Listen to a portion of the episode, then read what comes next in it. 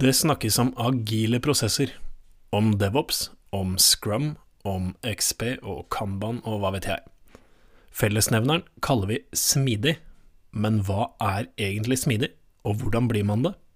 Hei, Martin her, og du lytter til Finnbull.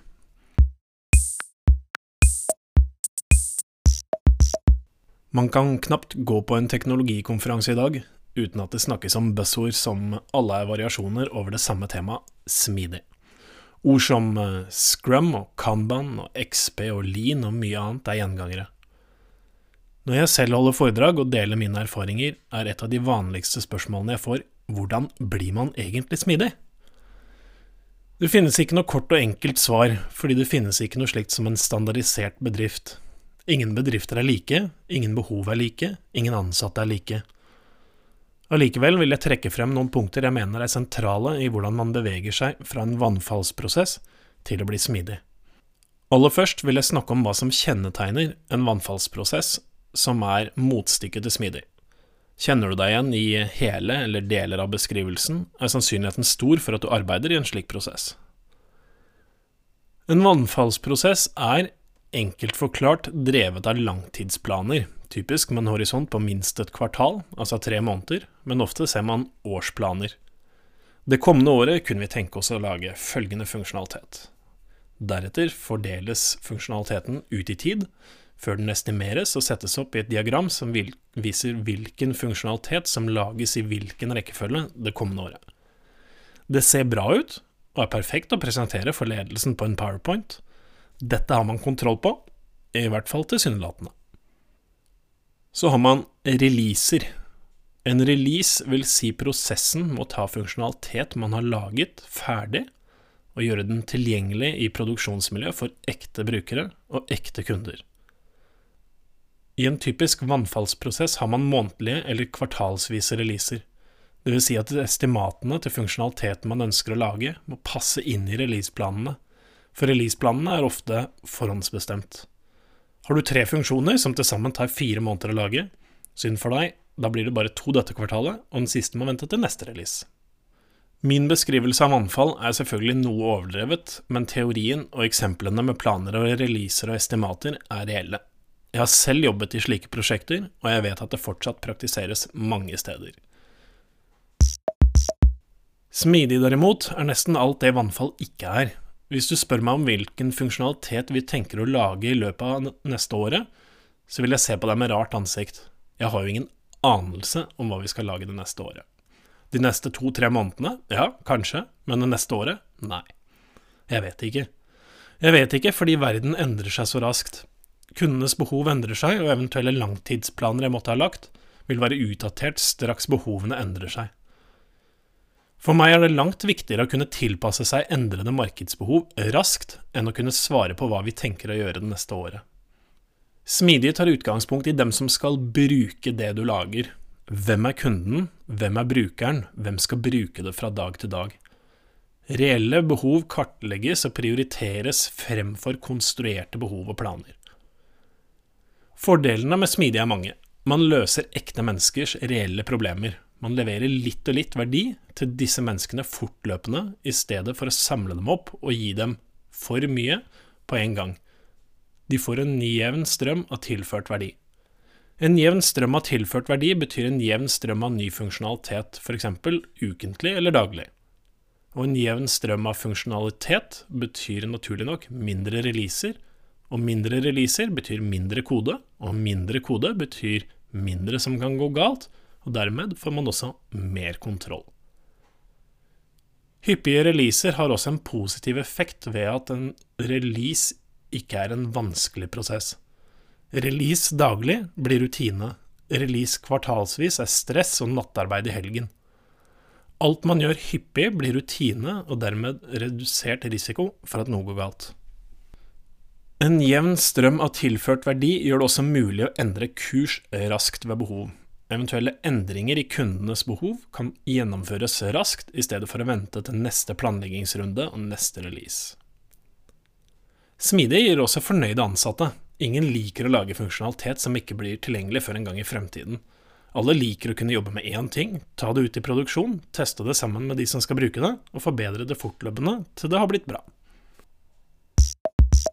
Så tilbake til spørsmålet hvordan går man egentlig fra å drive vannfall til å bli smidig?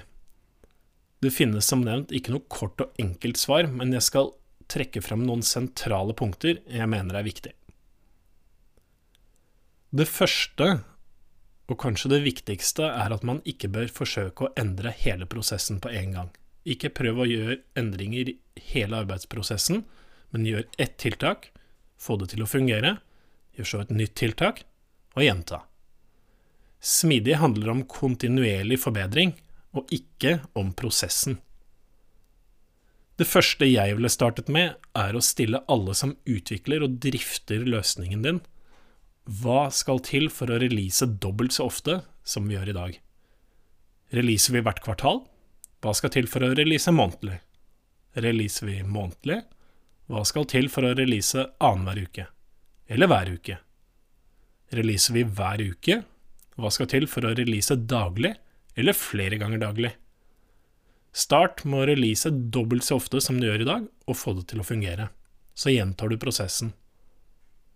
Gjennom å fokusere på utfallet av en release, altså å gjøre funksjonalitet tilgjengelig for folk, så tvinger det seg gjennom denne prosessen også frem metoder og verktøy og teknikker som vi kjenner fra Smidig. Det andre jeg vil trekke fram, er behovet for å få strukturert hjelp når man skal release dobbelt så ofte. Ganske tidlig så vil man se at dagens arbeidsprosess med planlegging og estimering ikke passer med det å release ofte. Med strukturert hjelp mener jeg noen fellesnevnere som dine ansatte kanskje kjenner fra før, eller har hørt om fra andre. Et godt sted å starte er med den velkjente prosjektmetodikken Scrum. Jeg har ofte kalt Scrum en avrusningsmetodikk som et humoristisk poeng for å understreke bistanden Scrum kan gi når man beveger seg vekk fra vannfall. Scrum er smidig, ish, men samtidig har Scrum kjente elementer som planleggingsfaser, frister, estimater og periodiske releaser. Mange av artefaktene er således godt kjent for dem som skal jobbe med det, og det gir et godt utgangspunkt for å bli enda mer smidig. Etter hvert som man har fått taket på Scrum, vil man oppleve at man befinner seg i en slags tilstand hvor man har hyppige releaser, men ikke så hyppig som man kunne ønske seg. Typisk releaser man en gang i uken eller annenhver uke, fordi dem som utvikler løsningen, ikke er dem som også skal release den, altså gjøre den tilgjengelig i produksjon, og skal drifte den.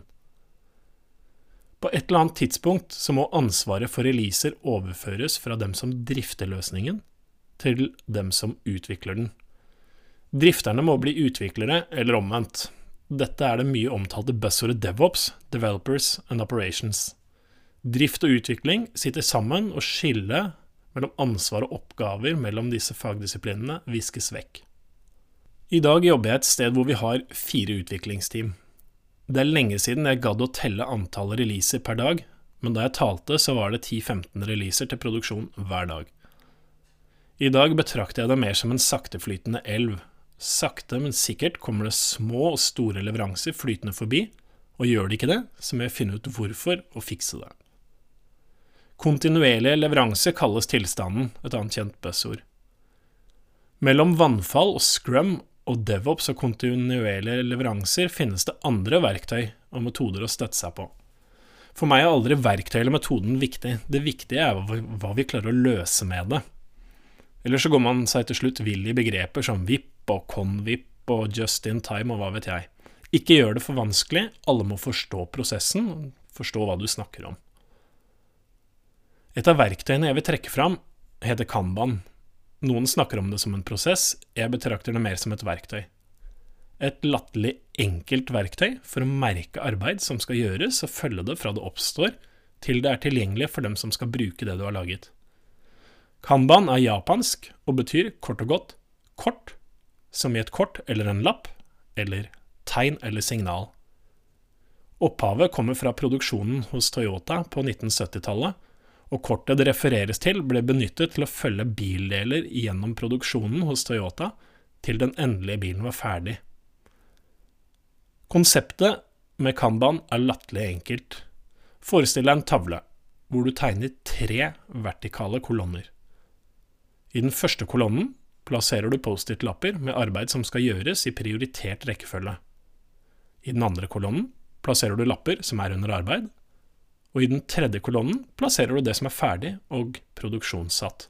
Ingenting er ferdig før det er i produksjon og brukes av ekte mennesker. Deretter gir prosessen nesten seg selv.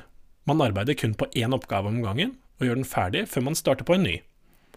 Kanban er således pull-basert, dvs. Si at ingen oppgaver påbegynnes før oppgaven foran i køen er ferdig. Så enkelt, så vanskelig.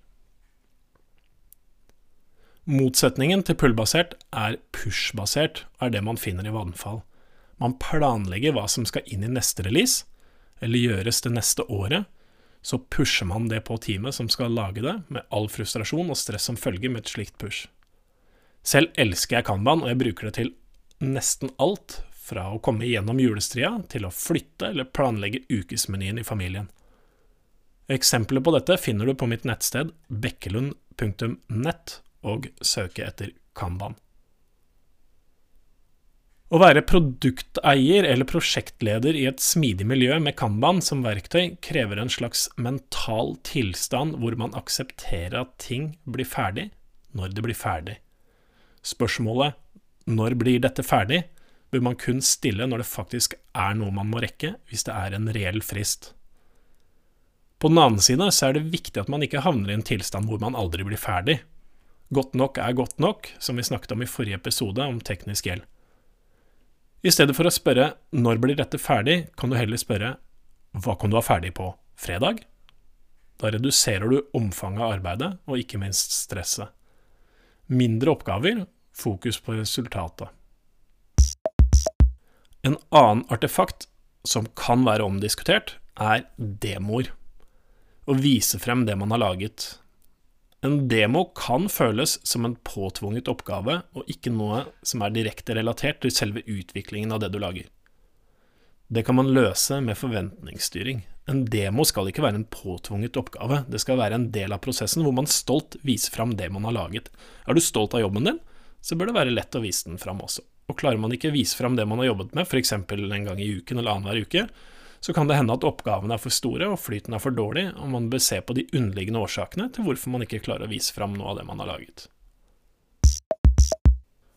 Andre artefakter jeg vil trekke fram, finner man i metodikken kalt XP, Extreme Programming. Selv om XP ikke er like nytt og fancy som DevOps eller kontinuerlige leveranser, har det en del aktiviteter knyttet til seg som jeg syns er verdifulle under arbeidet med å utvikle programvare. Parprogrammering, altså at to utviklere løser en oppgave sammen. Enhetstester, at utviklerne skriver automatiserte tester av det man lager. Akseptansetester, at det man lager møter forventningene. Standups, at man hjelper hverandre med oppgaver og fremdrift en gang om dagen. Kundekontakt, at man faktisk tester ut det man har laget på ekte kunder og brukere. Jeg anbefaler en titt på XP, plukke det som passer, og se hvordan det fungerer i kombinasjon med Kanban som verktøy. Før du vet ordet av det, så planlegger du julen og neste ukes middager i Trello. Men husk, start i det små og gjør kontinuerlig forbedring. Det er kjernen i smidig. Tusen takk for at du lytter til Finnbull. Vi høres.